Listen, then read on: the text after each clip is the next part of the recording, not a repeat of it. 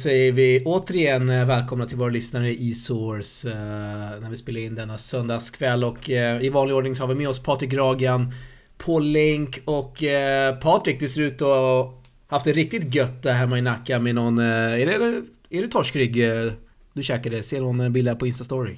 Ja, ikväll fick det bli torskrygg.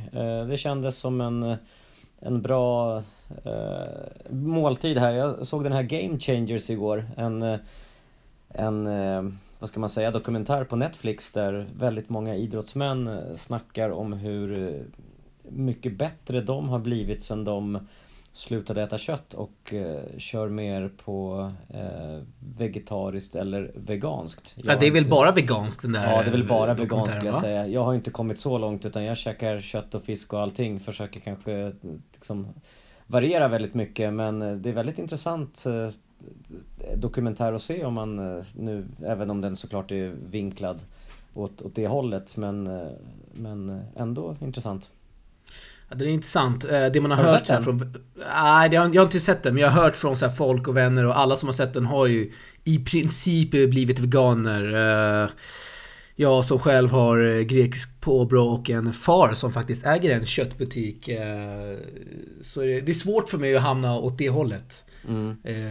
Jag har svårt att se där, där jag under liksom månader inte äter kött. Eh, men Nej. lite som du är inne på här, man måste ju liksom variera. Man kan inte käka kött varje dag utan Ibland får det bli lite kyckling, ibland får det bli att gå ner till Ican och Fan vet jag, kolla frysdisken och dra upp en lax. Ja men lite uh, så att man ska variera, det är väl det som blir tankeställaren här och jag tror att eh, om vi tittar då inom tennisen så Så väl Djokovic den, den främsta då som har valt att, att gå den här, den här vägen. Ja, Ja, så är det onekligen. Han, han var väl med och, och eh, de rådfrågade väl han inför den dokumentären vill jag... Japp, stämmer. Eh, minnas va? Japp, det stämmer. Ja, bra. Vi ska inte fastna i eh, Game Changern och, eh, och mat. Uh, vi kan väl konstatera här att det, det, är lite festligt just nu hemma hos mig då, då Stefanos Tsitsipas vunnit uh, andra raka titeln i Marseille och han har inte tappat ett set där på två år. En otroligt fin spelare. Eh, och han gör ju en jäkla bra vecka här återigen och...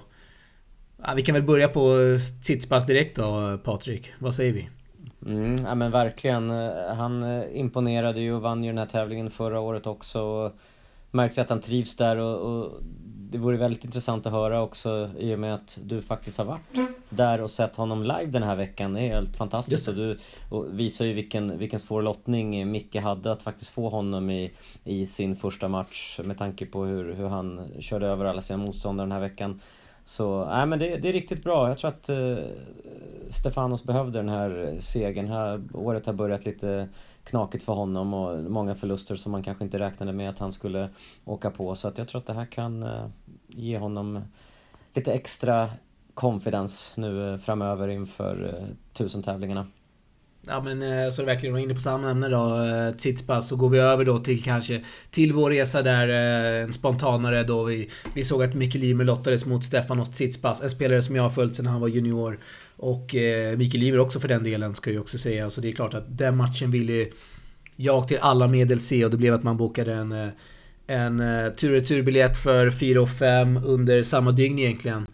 Och eh, några snabba mail där till eh, deras akkreditering så hade man den klar och så var det bara att kika och göra intervjuer och sen åka hem eh, ja, några timmar senare. Så det var en eh, mycket fin resa där eh, Patrik. Och eh, du kanske tog del lite av det via Insta-story och sånt på hemmaplan. Ja men det gjorde jag verkligen och jag var ju jätteimponerad. Det tycker jag visar vilket eh, stort hjärta eller intresse för, för tennisen som som du i det här fallet har och, och som, som folk som, som vill, som reser. Du åker alltså dit utan hotellrum.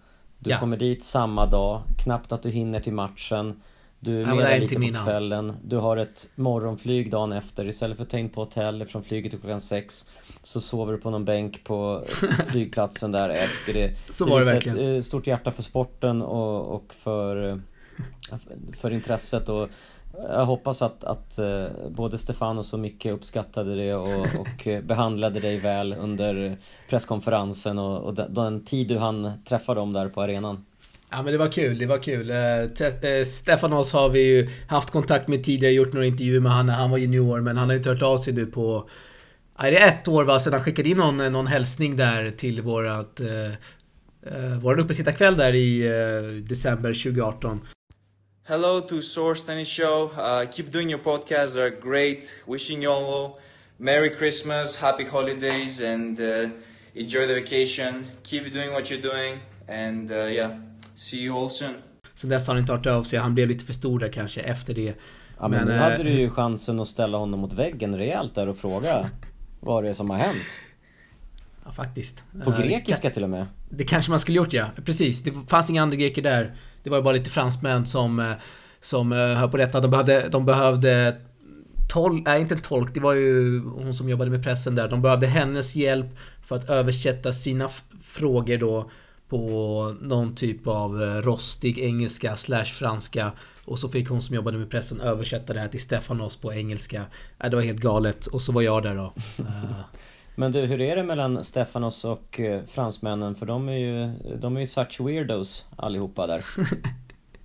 ja, det var någon Har kommentar. De, eh, ja, exakt. Men de, efter den här US Open-kommentaren från Tsitsipas, det, märks det något när han är, spelar i Frankrike eller gillar de honom? Nej, de, de gillar han. Sen kan jag ju, jag kan också vara väldigt besviken på... Vi har snackat här om att Stockholm Open har svårt att locka folk en, en måndag kväll, en tisdag kväll. Det här var ändå onsdag kväll. Uh, första möjliga kvällsmatch, bästa tid. Folk liksom har... Den spelades klockan 19 lokal tid. Folk har ju liksom tid att ta sig dit från jobbet och kanske ta en bira innan och en vinare och sen då kolla matchen. Men det var ju inte ens halvfullt skulle jag säga. Stämningen var inte alls bra. Uh, så jag var väldigt besviken på stämningen i och med att man ändå snackat om att vad fan, Stockholm Open en måndag kväll, det är inget folk liksom. Men kolla här, vi har världssexan mot Mikael Ymer, en av Ja men en spelare som är, har gjort eh, otroligt bra resultat senaste året och en väldigt, liksom en ung ung spelare som kommer fram och får möta en världssexa och så är det inte ens halv, halv eh, på arenan. Det, är, det kanske är veckans mest obskyra redan där då, publiken.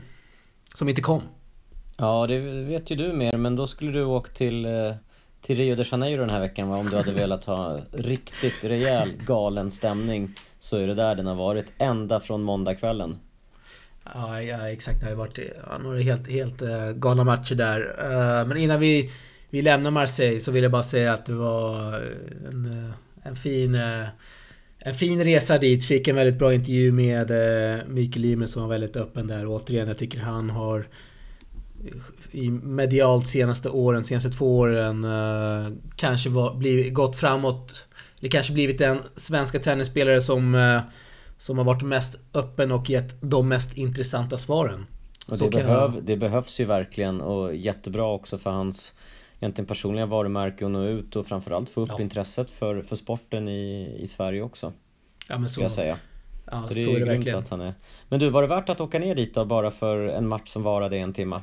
Ja, det, trots att det blev, vad blev det? 6-1, 6-3 va? Ja. Så får jag väl ändå komma fram till att jag tyckte det var absolut, det är klart det var värt det. Jag fick ändå se Stefanos Tsitsipas spela, spela igen och eh, ja, se han mot Mikael Ymer. Eh, de två har ju aldrig mötts på seniornivå utan eh, spelat mot varandra fler, flertal gånger under, under deras juniortid. De är ju båda födda 98. Så det var mm, en mm. häftig match.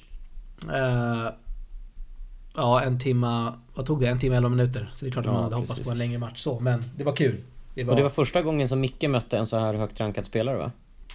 Ja, han har mött Sverre va, i Franska öppna, men jag, Sverre var inte topp 6 då. Just det, just det. Det var han inte va? Eller? Um, Tror jag inte. Ah, det skulle han kunna ha varit. Han har ju pendlat där mellan 4 och 8 under faktiskt många år, så att uh, han kan nog ha varit någonstans där uppe och...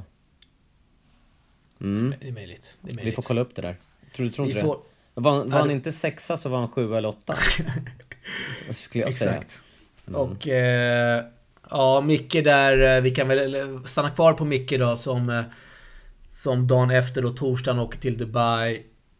Eh, kanske, ja, jag vet inte när han landade riktigt lokal tid, men han fick i alla fall en lördagsmatch i kvalet och drog sig ur skadad. Så han inte, hade inte haft de bästa förberedelserna och gått till ett ganska ja, hyfsat snabbt Nej, inte hyfsat snabbt kanske det var. Men eh, medium eh, snabbt eh, inomhusunderlag och gå till eh, supersnabbt utomhusunderlag som det ändå är i Dubai. Mm. Samtidigt lördagsmatch sa du att han fick, det får ju alla som är med i kvalet får ju lördagsmatcher så att det visste han ju om innan. Ja, så är det. Så det var ingen Så är, så är det också, surprise men så. eh, det är inga optimala förberedelser ändå Nej, kan det är det inte. Men eh, nej. Nej, så är det. Vi får väl ge cred till eh, alla som spelar kval. Patrik. Ja, samtidigt ska de väl kunna hantera det också. Tråkigt Elias var väl där nere också och hoppades komma med i kvalet men kom inte med. Ja, han var alter, alternate yes. Mm. Stämmer. Ja, synd. Eh, Innan jag glömmer klippa in Tsitsipas kommentarer från den där mycket märkliga presskonferensen så gör jag det här. Så här lät det. Stefanos, congrats. Uh, you played Mikael in the semifinals, I think, of European Championships in 2014. I'm just wondering what do you re- remember from that match and uh, what about have to say about his game and his potential? Uh, yes, I remember that match. It was in Moscow. Um, not much, um, honestly, but we played a lot in juniors. He was a really, really good player in juniors. Um, he, he has a different game of style uh, than most players. Uh, really good baseline, solid baseline, and uh, that's him, that's his main strength. That's where he gets most of his points from. Um, going in, you know, entering the match, I didn't know what to expect. Um, I, I knew he played good against Richard, so he might have been in, in a pretty good, decent form to do that. So, um, yeah, I mean, I mean, I'm glad. I uh, I don't know if that was the first time I beat him. Uh, we've played, we've had a couple of uh, plenty of encounters in the past. Uh, but I mean, I'm really happy that I stayed aggressive and uh, didn't uh, didn't get stuck in his rhythm.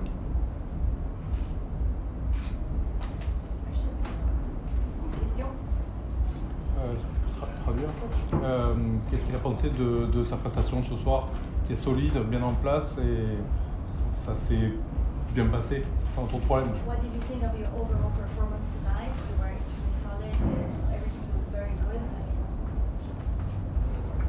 Yeah, I think it, it, I got a lot of breaks. I think I could have uh, I could have broke more times. I had the opportunity to do it one or two times more.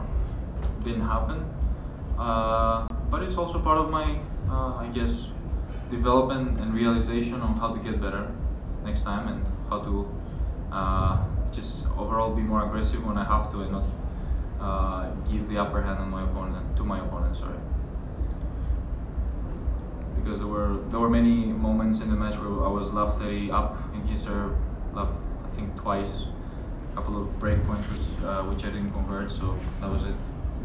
Lite intressant ändå att höra Tsitsipas prata lite om Micke Limers speciella spelstil. Att han kanske inte är som alla andra spelare. Mm, ja men verkligen. Eh, kul att höra och även Micke gav ju fina ord till, till Stefanos eh, på, i, i sociala medier. Där han eh, egentligen, vad ska man säga, hyllade, eh, hyllade greken och, och eh, påtalade väl mycket hur, hur sympatisk eh, Stefanos är och hur han har hjälpt honom med lite, liksom hur, hur Micke själv ska bli bättre i tennis. Yes. Såg du det? Så är det. Och eh, hur mycket ska vi verkligen rapportera om Delray Beach och Rio? Är det så intressant att folk vill verkligen höra kring de tävlingarna eller vad, vad, säger du här? Nej, det, det finns väl inte så mycket att säga egentligen. Om man bara ska sammanfatta lite fort så, så fick vi i, i förra podden en lyssnarfråga där, där en, eh, en lyssnare då gav eh, Rio Just det, Billing. de Janeiro Jona Billing. pris Precis, för den tävling han tyckte var all, roligast på touren eller den man kanske främst skulle vilja besöka eller bäst atmosfär eller vad det var. Och eh, man kan ju såklart efter en sån här vecka ge tumme upp på det för att matcherna där oavsett lite grann vem som lirar när det blir lite spännande så spe- speciellt om det är en hemmaspelare, en brasilianer som lirar så blir det ju ja, det, är, det är helt otroligt eh, vilken atmosfär det är där. Sen själva startfältet är ju inte värdigt en 500 tävling utan det här är ju en 250 tävlings startfält där Dominic Thiem är i princip den enda topp 20-spelaren som, som faktiskt var med i den här tävlingen. Och, och Delray Beach, det är knappt någon publik och där är det inte, inte mycket bra stämning heller. Den tävlingen är inte speciellt kul heller. Det är ju Marseille som egentligen de, de stora poängen skulle delas ut där både Medvedev och Tsitsipas eh, var med som från topp 10. Vet du vad som är mest intressant, i mitt tycke, med Delray Beach? Jag berättar. Det är att de har en jävla bil inne på, på planen, på banan. Det står alltså en bil inne på banan. Ja, Ett det. inträngt hörn någonstans. Och där har Ja, de ja. också haft fans som har fått eh, sitta där. Jag antar att de har vunnit någon tävling. Så får fansen sitta i den här bilen då. På banan och kolla på matchen. Det är ju Ja, otroligt. det är, ju, det är ju häftigt. Det är ju skitroligt. Och den som vinner tävlingen vinner bilen också, eller är det så man lockar dit spelarna? Jag, hopp, jag hoppas verkligen det. Och se Eh, om Railo Pelka får plats i den här bilen. Det är stor sannolikhet här för att han faktiskt kommer plocka hem den här tävlingen. De har ju haft så tidigare i, eh, är det i München där, där vinnaren har kunnat plocka hem en sprillans ny BMW och så får, har vinnaren då fått eh, ta ett varv runt med den här bilen då inne på banan. Mm, det är tyskarna, precis. BMW i München och Mercedes i Stuttgart Ja okej. Ja, det har varit de här tävlingarna som man kunnat fått en bil på köpet. Stort. Eh, blev ju också lite tråkigt här i och med att Nick Kyrgios drog sig ur Delray Beach. Mm, Ska vi säga. verkligen. Eh, Nick Kyrgios, han kommenterade ju någon, det kom någon komment här i, igår om, eh, om att oj, ännu en grustävling, 250 grustävling och så la han upp en lottning i Santiago där. ja. Vad tycker vi du om det egentligen? Vad tycker du om det? Att det är ännu en grustävling med dåligt startfält. Exakt. Nej, det är ju såklart eh, massa lägre rankade spelare chansen att, plocka poäng där och det, det har ju varit de här fyra veckorna i Sydamerika har ju gett väldigt många chansen att, eh, att plocka poäng som i vanligtvis knappt vinner matcher på ATP-nivå. Det ser vi ju i final den här veckan i, i Gianluca Mager i, i Rio till exempel. Ja. Men eh, ja, för Sverige så, och Sverige och Davis Cup så är det bra. Garin, Chile, är ju klar för final igen. Han vann ju eh, först i Cordoba, första av de här eh, Golden Swing-veckorna och så ska han spela i Santiago nästa vecka så han kommer ju, alla chilenare kommer ju komma med grus under fötterna och eh, komma in väldigt sent till, till Stockholm med tanke på att de har en hemmatävling nästa vecka. Så det är väldigt Sverige-positivt att, eh, att vi faktiskt möter Chile på hemmaplan för de har en lång resa från gruset till Kungliga hallen. Så det är fördel Sverige där. Ja, så är det. Men sen, eh, han kommer ändå få... Eh, det blir ju... Ja, det beror på hur långt han går i Santiago såklart. Men han kommer ju ändå få ett par dagar innan Garin och Ja, lär han sig till eh, underlaget i Kungliga. Nästan så man får räkna med att han spelar eh, final där. Han är ju en av eh, egentligen typ inga toppspelare i den tävlingen. Schwartzman skulle lira och dragit sig ur så att det är bara Garin kvar så det, jag tror att det är mycket stor chans att han faktiskt kommer gå hela vägen där. Säg att han vinner och spelar final söndag. Mm. Den kanske väl går, fan vet jag, mitt på dagen och så får han flyga måndag. Vad tar det Chile till Sverige med flyg? Det är ju... Eller ta ett dygn. Det tar ett dygn ja. Är han där tisdag? Tisdag, Ja. lite jetlag. Lite jetlag på det. tid. Match fredag. Ja, det är... Ja, det är tungt Ja, alltså. om, om du tycker att det var tufft att, eh, att Micke tog sig från Marseille till Dubai eh, på två dagar, torsdag till lördag, så kommer det här vara betydligt tuffare. Så, så är det verkligen. Det är tufft ändå eh, nu när man själv pratar om eh, kommande... Ja, nu, om man nu tar sig till final då, Garin. Eh, Mm. Så, Ja, vi får se. Samtidigt som eh, svenskarna då redan kommer vara i Kungliga eh, måndag i alla fall och kunna träna i flera dagar och vara på plats och inte vara, ha jetlag och så vidare och så vidare.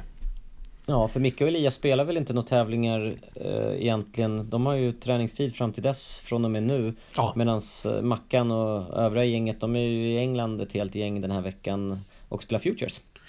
Så det verkligen. Glasgow va? Äh, Sunderland, det var nära. Men Ja, det, de är många där och vi, ja. vi kommer återkomma till det. Och vi kommer också Patrik köra en DC spe- special där samma vecka som eh, DC går och vi kommer på plats och göra vloggar så det kommer bli mycket DC-material framö- framöver. Sorry. Ja, roligt. Skitskoj. Ska vi gå vidare här i eh, podden och vi kanske ska blicka framåt jag. mot eh, nästa veckas tävlingar.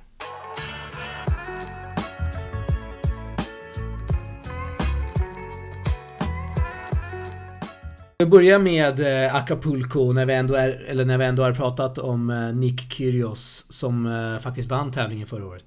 Mm. Och han gjorde det ju, det var ju, det var ju vad ska man säga, väldigt uppmärksammad vecka där han vann på. Det var väldigt kontroversiellt. Han hamnade ju i lite ordfight med Nadal. Han vann ju den matchen, det var ju helt otroliga matchbollar han räddade och lyckades sen vända och vinna. Jag tror att det var avgörande så tiebreak var i den. Och sen eh, slog han väl Wawrinka och Sverov också i, i princip varje match han spelade helt otroligt och så ryktades det om att han, eller ryktades det har väl bekräftats att han varit ute och festat varje kväll också och sen eh, att festa kanske inte behöver betyda att han har just druckit sprit varje kväll. Han kan ju bara varit ute och druckit vatten men att det har varit fest ändå. Men eh, en eh, fantastisk bedrift eh, och eh, vi får se hur han hur det går den här veckan. Nadal är ju med i år igen. Nadal är med ja. Sverige vid andra sidan. Kyrgios där möter Hugo Umberg i den första omgången. Sen får sen möta vinnaren mellan Taylor Fritz och John Millman där. Just det. Uh, ja, roligt startfält och uh, Rebecca skulle ju spelat samma tävling. Men uh, hon har för några dagar sedan så drog hon, hon sig ur tävlingen i då Acapulco. Mm. Men Cornelia Lister är där och representerar Sverige i dubbel. Ja men det är bra det. Rebecca gör comeback i Monterrey istället. Hon är inskriven där ja. Japp. Men hon har även bekräftat Kul. att hon, ska att hon ska spela där. Kan ju det Hon ändras gjort det? förstås. Ja, jag pratade med henne idag. Du gjorde det? Nej. Ja, jo. Hon har bekräftat det. Ja. Oj, det är breaking news här i Source. ja, eller hur? Från henne själv. Var det Instagram eller? Och den... Ja, precis. Och den tävlingen börjar ju 2 mars så att det är ju väl, det är väl nästa, nästa veckas tävling va? Ja det är det. Det är nästa Just det. veckan efter. Ja, det är kul med lite breaking news här i Source. Rebecca kommer göra comeback i Monterrey. Det har hon alltså bekräftat då till Patrik Ragans Instagram. Ja, så snart är hon tillbaks. Magiskt. Magiskt. Mm. Ser vi fram emot. Och, ja, det ser vi verkligen fram emot. Fler tävlingar då kommande vecka. Eh, Dubai där uh, Federer drog sig ur och han kommer vara borta i flera månader. De hade såklart hoppats Hoppats med honom, vi kommer återkomma till Federer men där har vi alltså Novak Djokovic som är första sidan och han drog då Malek Jaziri som bara garvade när han fick höra att han skulle möta Djokovic. Det finns Ja, lite klipp på det. Såg lite du rolig, rolig reaktion där på Även Kachanov och Rublev som satt och bara skrattade när De skrattade alla tre tillsammans och Yaziri visade med händerna i princip att äh, fan det här är omöjligt. Eh, Och de andra garvade. Så det var Visst är det så men det är kul startfält där både Djokovic, Tsitsipas och Monfils och det är tre topp 10 spelare och så Liksom Fognini, Bautista, Rublev, Kachanov Det är ett, vilket, vilket gäng, de har ju liksom alla sidade i topp 20 där Så den är ju såklart väldigt eh, Väldigt kul den tävlingen. Men även som du nämnde Acapulco är ju är ju i alla fall, ja de åtta sidade är ju ner till 23 på rankingen. Så Både Acapulco och Dubai kommer vara jättekul tävlingar att följa. Även om vi knappt Eh, kommer få se någonting ja. från, från eh, Acapulco med tanke på att matcherna går mellan 23 och 05 men Men när man ser lite highlights och sådär efter Fan det är, vilken atmosfär det är där. Vi pratade om det i podden förra veckan också just Det här med eh, just syd, syd och Centralamerika, vad de är grymma på att skapa atmosfär på tennismatcher har vi ju sett som sagt nu i Rio men liksom Acapulco. Det är, nej, det är grymt. Det skulle man vilja uppleva live någon gång. Och du kan ju få uppleva det när Chile kommer på besök. Eh, Sverige har mycket att hämta där. eh, Den svenska klacken. Och får ju se och lära lite. Det är ju känslan här inför Sverige-Chile. Ja, verkligen, verkligen. Eh, Santiago då, vi kanske, vi kanske skiter i den. Vi var lite inne på den tidigare men där har vi i alla fall Garin som du sa första sidan och Kasper Ruud då andra sidan. Och han har ju faktiskt en eh, fin lottning till att göra något riktigt, riktigt bra också den veckan, Kasper Ruud. Ja, ja men verkligen. Jag tycker egentligen finns inte så mycket mer att säga om den här tävlingen därför att toppsidade Garin är alltså lägre rankad än vad de åtta toppsidade är i både Dubai och Acapulco tillsammans. Så att det är eh, det är 250 poäng till en, en spelare som har valt att, att vara, liksom, spela på grus. Så, Ja. ja. Men eh, Otroligt. Garin och Rud är toppsidade där, stämmer. Vi, eh, vi hoppar till Svenskkollen direkt här Patrik. Det blir ett effektivt avsnitt idag. Mm, ja men det är bra. Och då går vi vi. direkt in då på Leo Borgs Challenger-debut och det här gav ju då eh, Eh, ett eko i tennis-Sverige vad det verkade. På Twitter och i media och det var Leo Borg överallt i radio och allt vad det var. Eh, Leo Borg då gjorde alltså eh, debut där i Bergamo, förlorade i raka set mot Tsing. Inte så mycket att himla om. Tsing hade, har ju vunnit två Junior Slams, är rankad 300 i världen.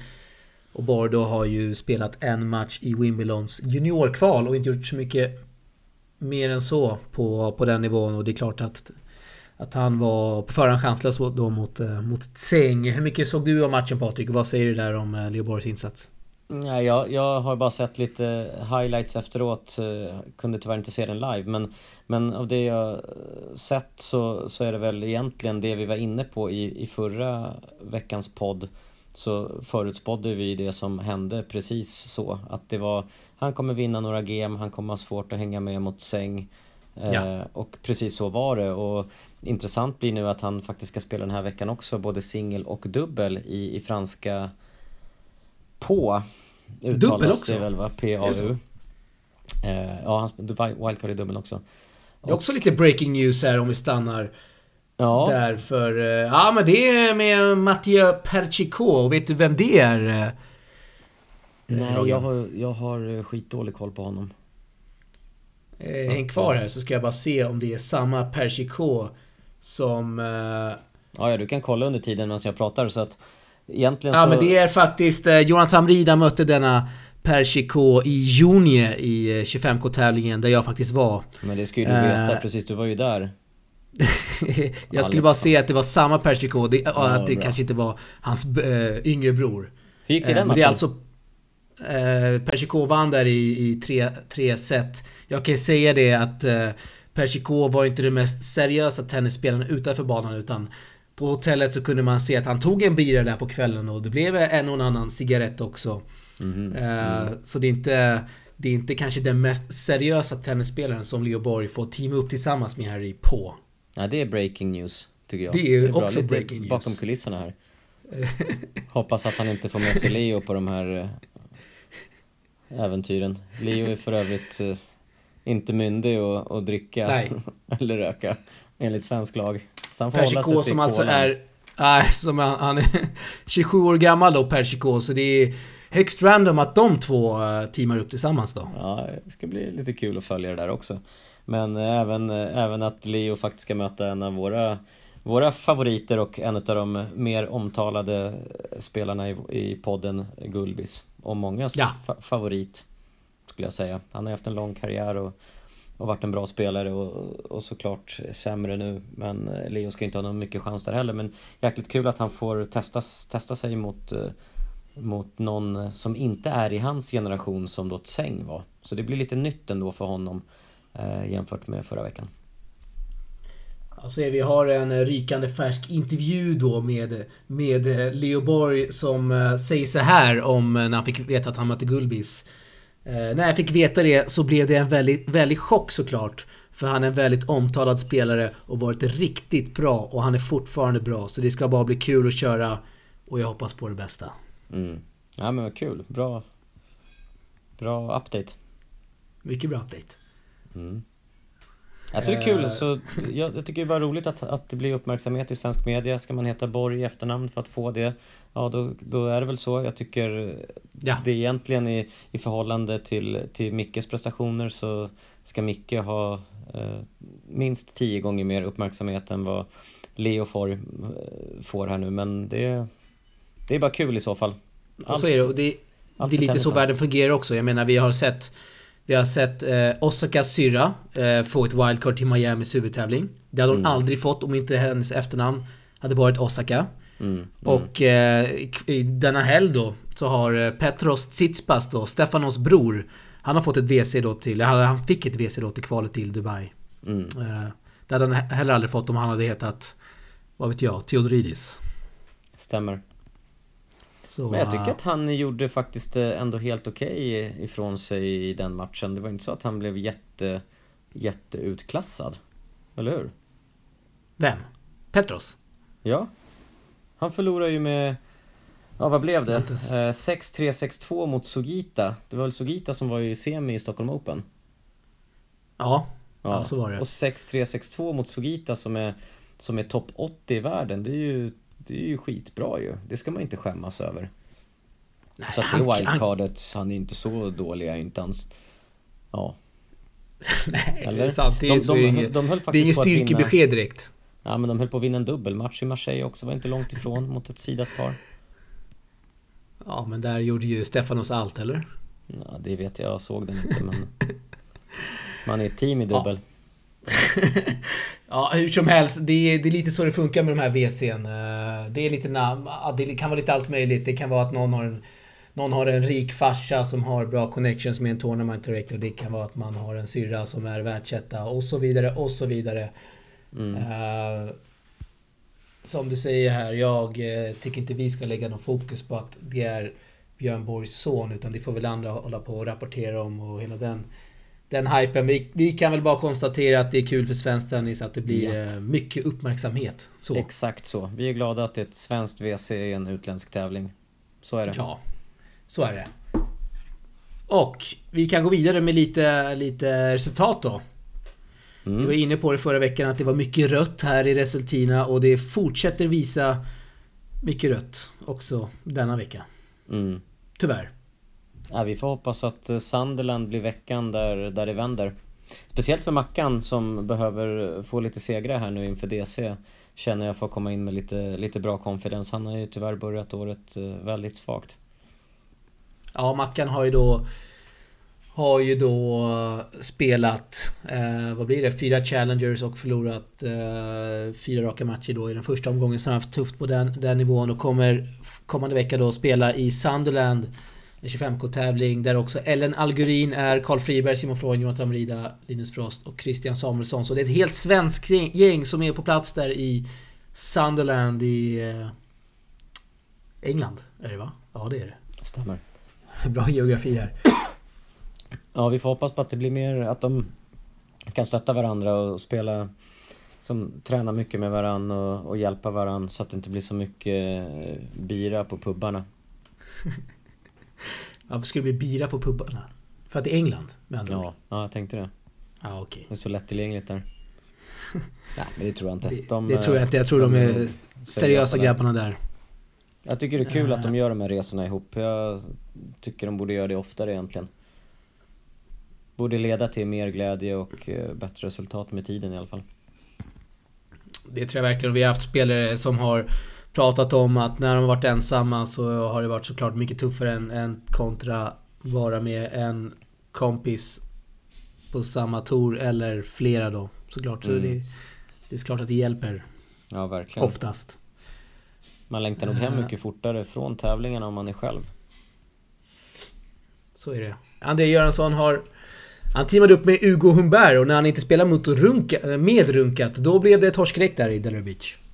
Ja, men det var, det var ändå satt hårt åt. Det var ju nära att super tiebreak var någon poäng ifrån att, att vinna där i den första omgången. Det är så små marginaler. Hade de vunnit den matchen hade de liksom lika gärna kunnat eh, gå till final eller semi och fått spela mot bröderna Bryan och det borde vara en superdröm man har som, som dubbelspelare att få möta liksom sista chansen nu att få möta bröderna Bryan i år så att jag hoppas att eh, André kan fortsätta få spela ATP-tävlingar och, och faktiskt kanske få möjligheten att möta de här legendariska eh, tvillingarna under det här året och eh, tycker att eh, han ändå liksom antar att anledningen till att han spelar med Umberg i Delray Beach var för att han inte kom med tillsammans med eh, sin indonesiske dubbelpartner från Pune som de vann med.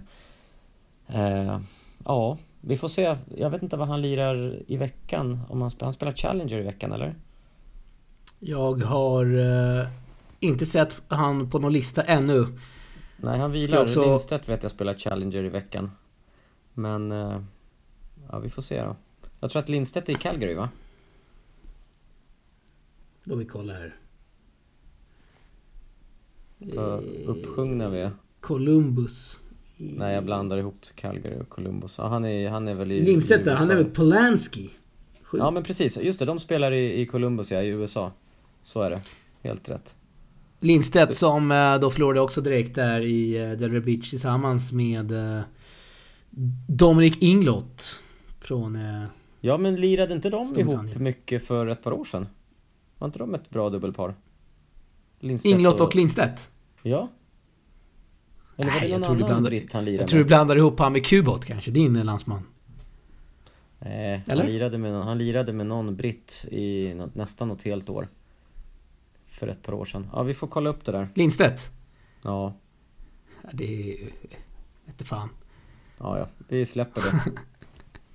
Jag ser i alla fall inte eh, André Göransson här på någon... eh, På någon eh, dubbellista.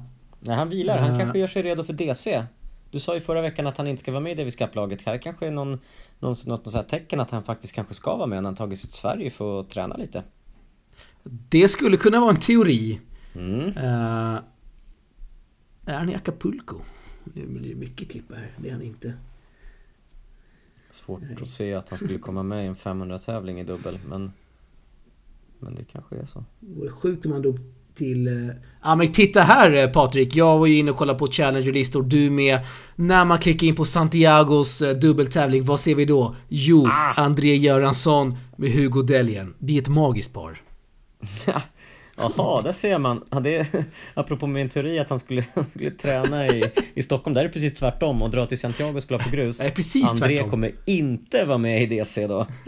Så det bekräftar nog din, eh, ditt rykte här från, från faktiskt förra veckans eh, poddavsnitt. Det är Han- nästan så att man, alltså att vi ska ta upp telefonen här så fort det här avsnittet är slut, Ja. inspelat, att vi tar upp telefonen, knappar in André Göranssons nummer och eh, hör vad han har att säga om eh, dessa rykten och varför han just är i Santiago den här veckan. Ja men du, det är en bra idé. Så det är frågan är om han är där bara för att han är kanske en hemlig scout. Ska scouta chilenarna nu. Vi får se. Det här är väldigt spännande men det är, det är en eh, legendarisk eh, dubbelpartner Du, det är i faktiskt, det är faktiskt en otroligt bra teori. Vet du varför? Berätta. För samt, för eh, enligt min då journalistkollega från Australian Open då, eh, Sebastian Varela, så skrev han då på WhatsApp att, att eh, Barrios, Tabilo, Garin och eh, eh, och eh, Bastian Maya, nu vet jag inte om Maya är i Cordoba Men de tre förstnämnda chilenska spelarna som alltså ska spela mot Sverige De är i Santiago Patrik Mm, mm. Du hör ju själv Ja. Ja, jag hör. Ja.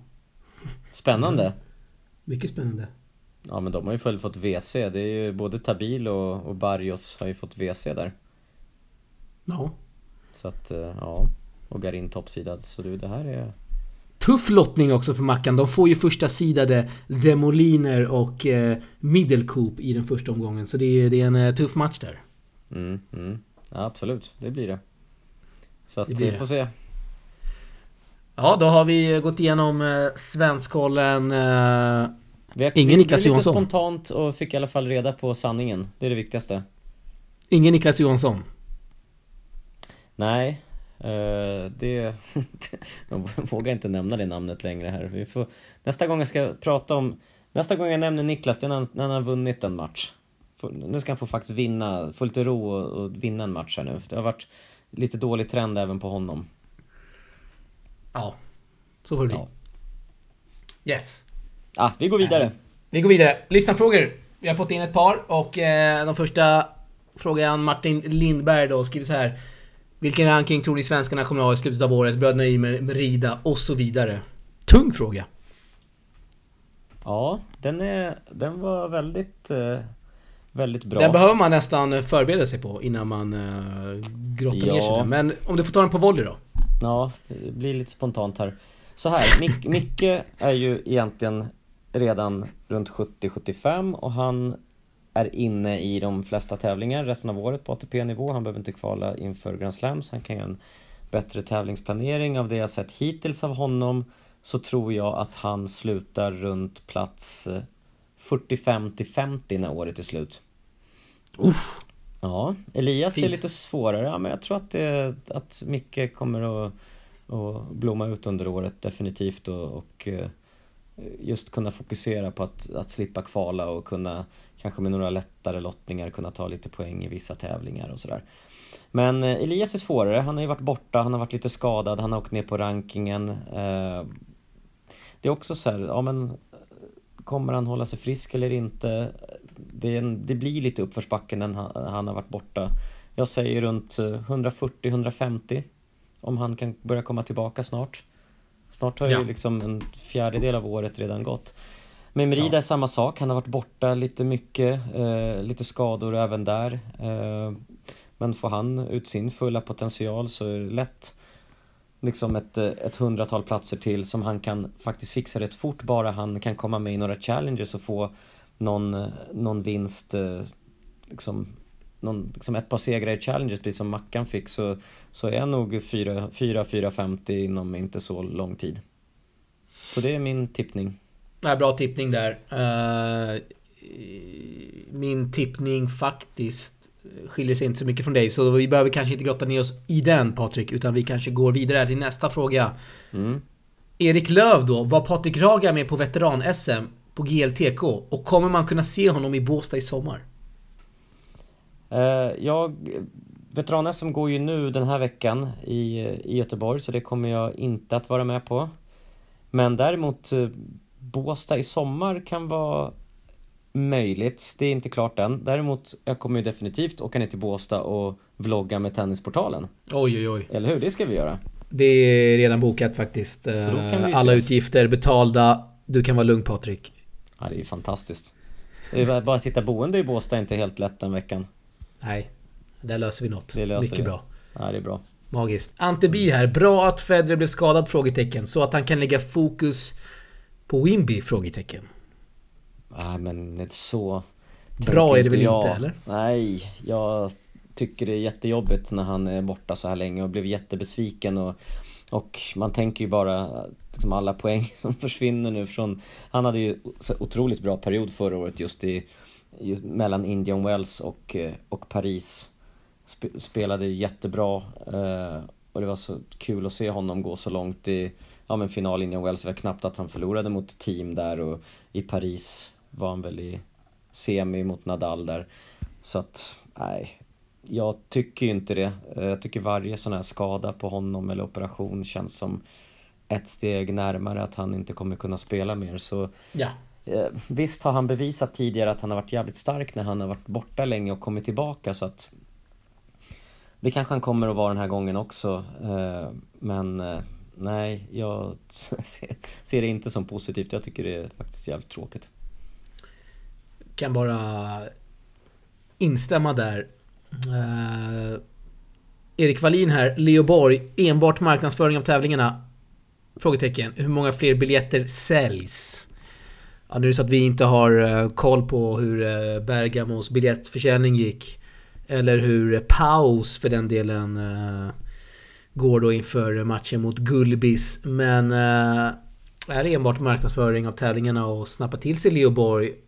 Ja, det skulle Ja. man väl kunna. Ja, ja, jag håller Kunna med säga. och hållet. Definitivt så. Jag tror inte det är, är det. liksom någon biljettförsäljningsgrej utan det är bara för att få lite eko i, i media och sociala medier. Ja men vi, vi kollar då, och vi kollar då Bergamo vilka medier som var på plats där. Då var det liksom Sky Sports och det var liksom stora... Stora drakar och det var ett jäkla pådrag. Så det är klart att turneringarna vet att okej, fixar vi honom, det är klart att eh, vi kommer kunna få mer... Mer uppmärksamhet i media och allt, allt det där. Så de är ju inte heller dumma liksom. Så. Nej men precis.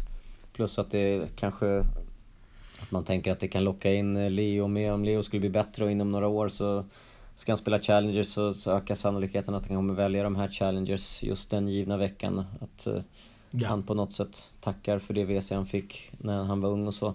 Sen vet, vet inte jag hur mycket publik det var där under, de under den här matchen han spelade då eh, förra veckan mot Tseng. Eh, var det fullsatt så har det ju definitivt eh, varit eh, bra biljettförsäljning men det tror jag Nej, fullsatt va? var det inte. Nej, det var men, inte eh, mycket folk alls. Nej, Nej.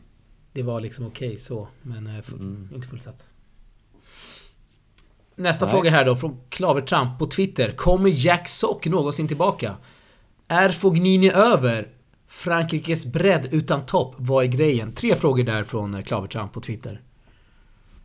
Oj, ja det var, det var många på en gång. Men eh, Jack Sock eh, har ju visat eh, hur bra han är. Och kan definitivt komma tillbaka, det tvivlar jag inte på. Fabio, långt ifrån slut. Han kommer alltid in i, i toppar och dalar. Har visat till och med i år redan att han, att han nog inte är slut riktigt än tror att det hade varit bättre för Fabio att välja den eh, sydamerikanska Golden Swing istället för att spela inomhustävlingarna. Eh, med tanke på hur dåligt startfältet har, startfälten har varit på, på Golden Swing i år så hade det varit bättre för honom att spela där och plockat lite poäng.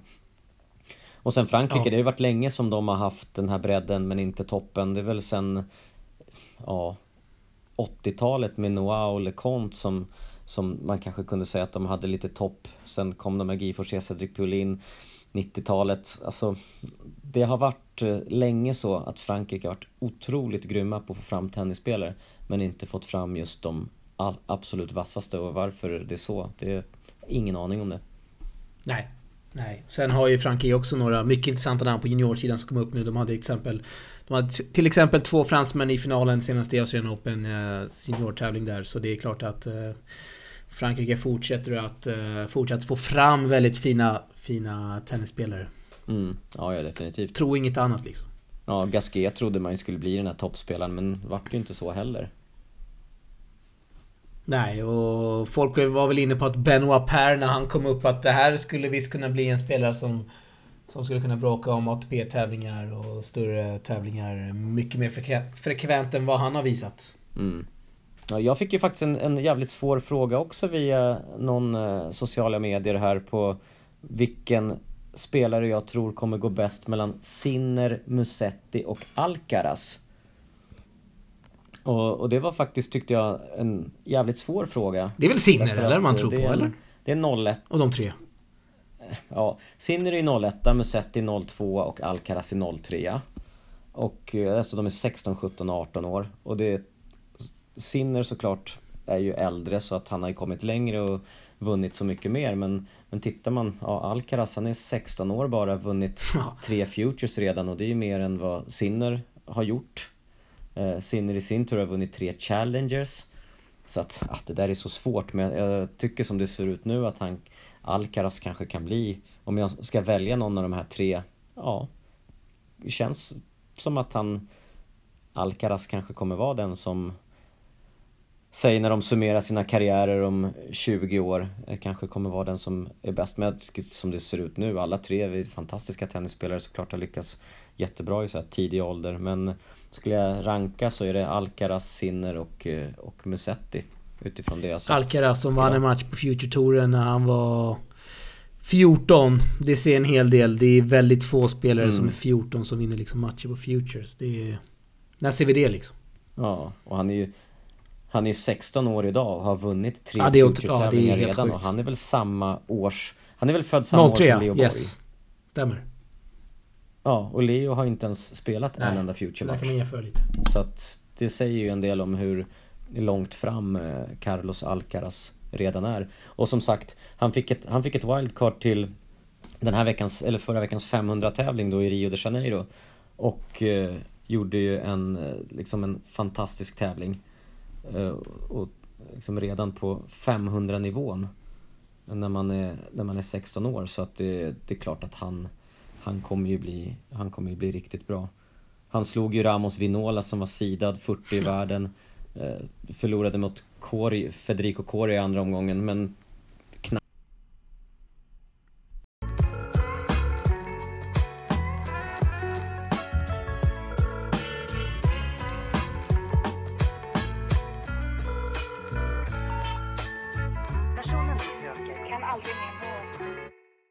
Jag ska avsluta med veckans mest obskyra. Som eh, som eh, är en ständig punkt här i Source. Det var då Twitterkontot Lob Down the Line som körde en omröstning som löd så här. Which wildcard is more embarrassing? Och så var det alternativen Petros Tsitsipas i helgens kval i Dubai eller Marie Osakas i Miami 2019. Marie Osaka, vi har varit inne på det, hon är alltså, ja som ni hör såklart, eh, syster då till Naomi.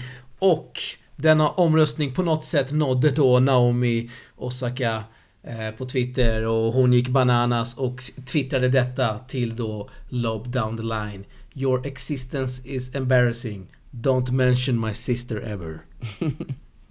Ja, det är fantastiskt vilket Twitterkrig. Det är lite, det är lite roligt. Det, är, det var ett väldigt tydligt budskap i alla fall.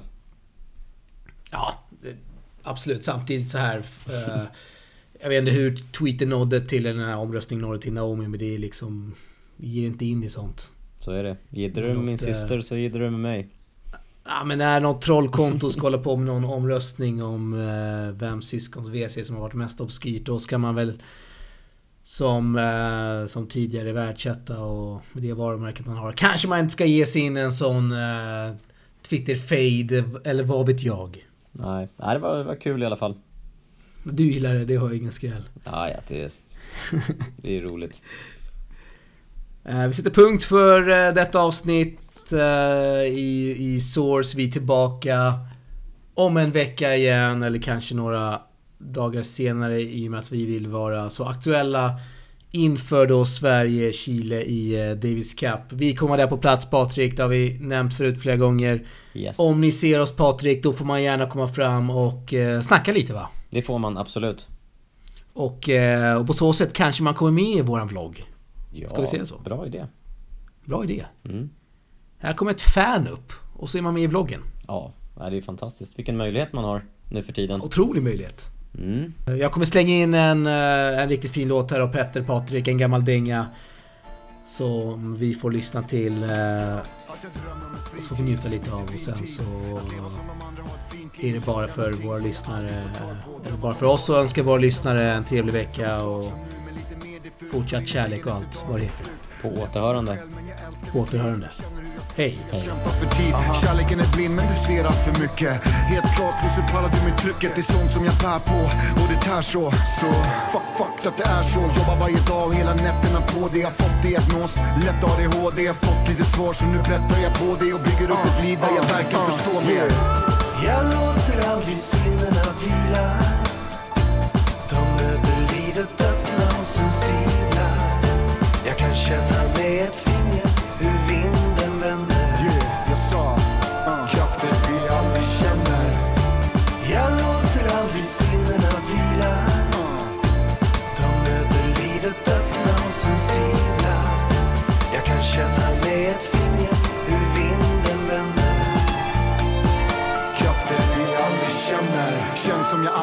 gjort i min vardag. Att komma till skott det tar ett bra tag. Rastlös, kreativ, skev, jävla självbild. Hett temperament kan lätt vara eldig. Impulsiv för ingenting blir stabilt. Större krav varje dag, samma slit. Känns som ett beroende, försöker vara vit. Har en hård disciplin varje dag, samma skit. Men det är mitt eget fel för jag är fast i det. Försöker slappna av och bara glida med Men som en virvelvind, det är alltid något nytt på G. Ständigt nervös och jag filar på det. Så årstider kommer och årstider går. Snart gått ett år och mitt mönster består. Klättrar på väggarna precis som igår. Men skillnaden idag är att jag tror jag förstår för. Jag låter aldrig sinnena vila. De möter livet öppna och sen sila känna med ett finger hur vinden vänder. Jag sa krafter vi aldrig känner. Jag låter aldrig sinnena vila. De möter livet öppna och sen sila Jag kan känna med ett finger hur vinden vänder. Krafter vi aldrig känner.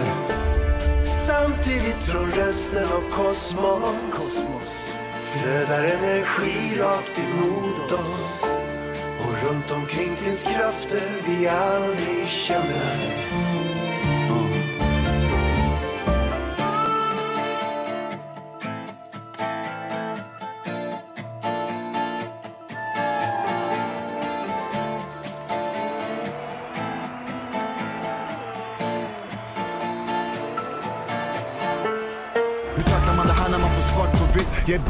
Barn, de har aldrig sagt ett shit. Så jag öppnar mina sinnen nu för alla sorters intryck. Men rädslan och stressen, det finns där, det är inbyggt. Kan aldrig släppa taget, min identitet. Sitter fast i rutiner som en kraftig magnet. Japp. Känner av allting i min närhet. För jag känner vibrationer i min värld. Är Negativ kan ta risker på måfå.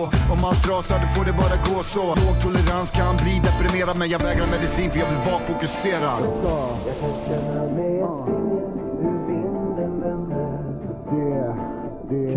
Vi aldrig känner. Jag låter aldrig sinnena vila De möter livet öppna och sen sina Jag kan känna mig ett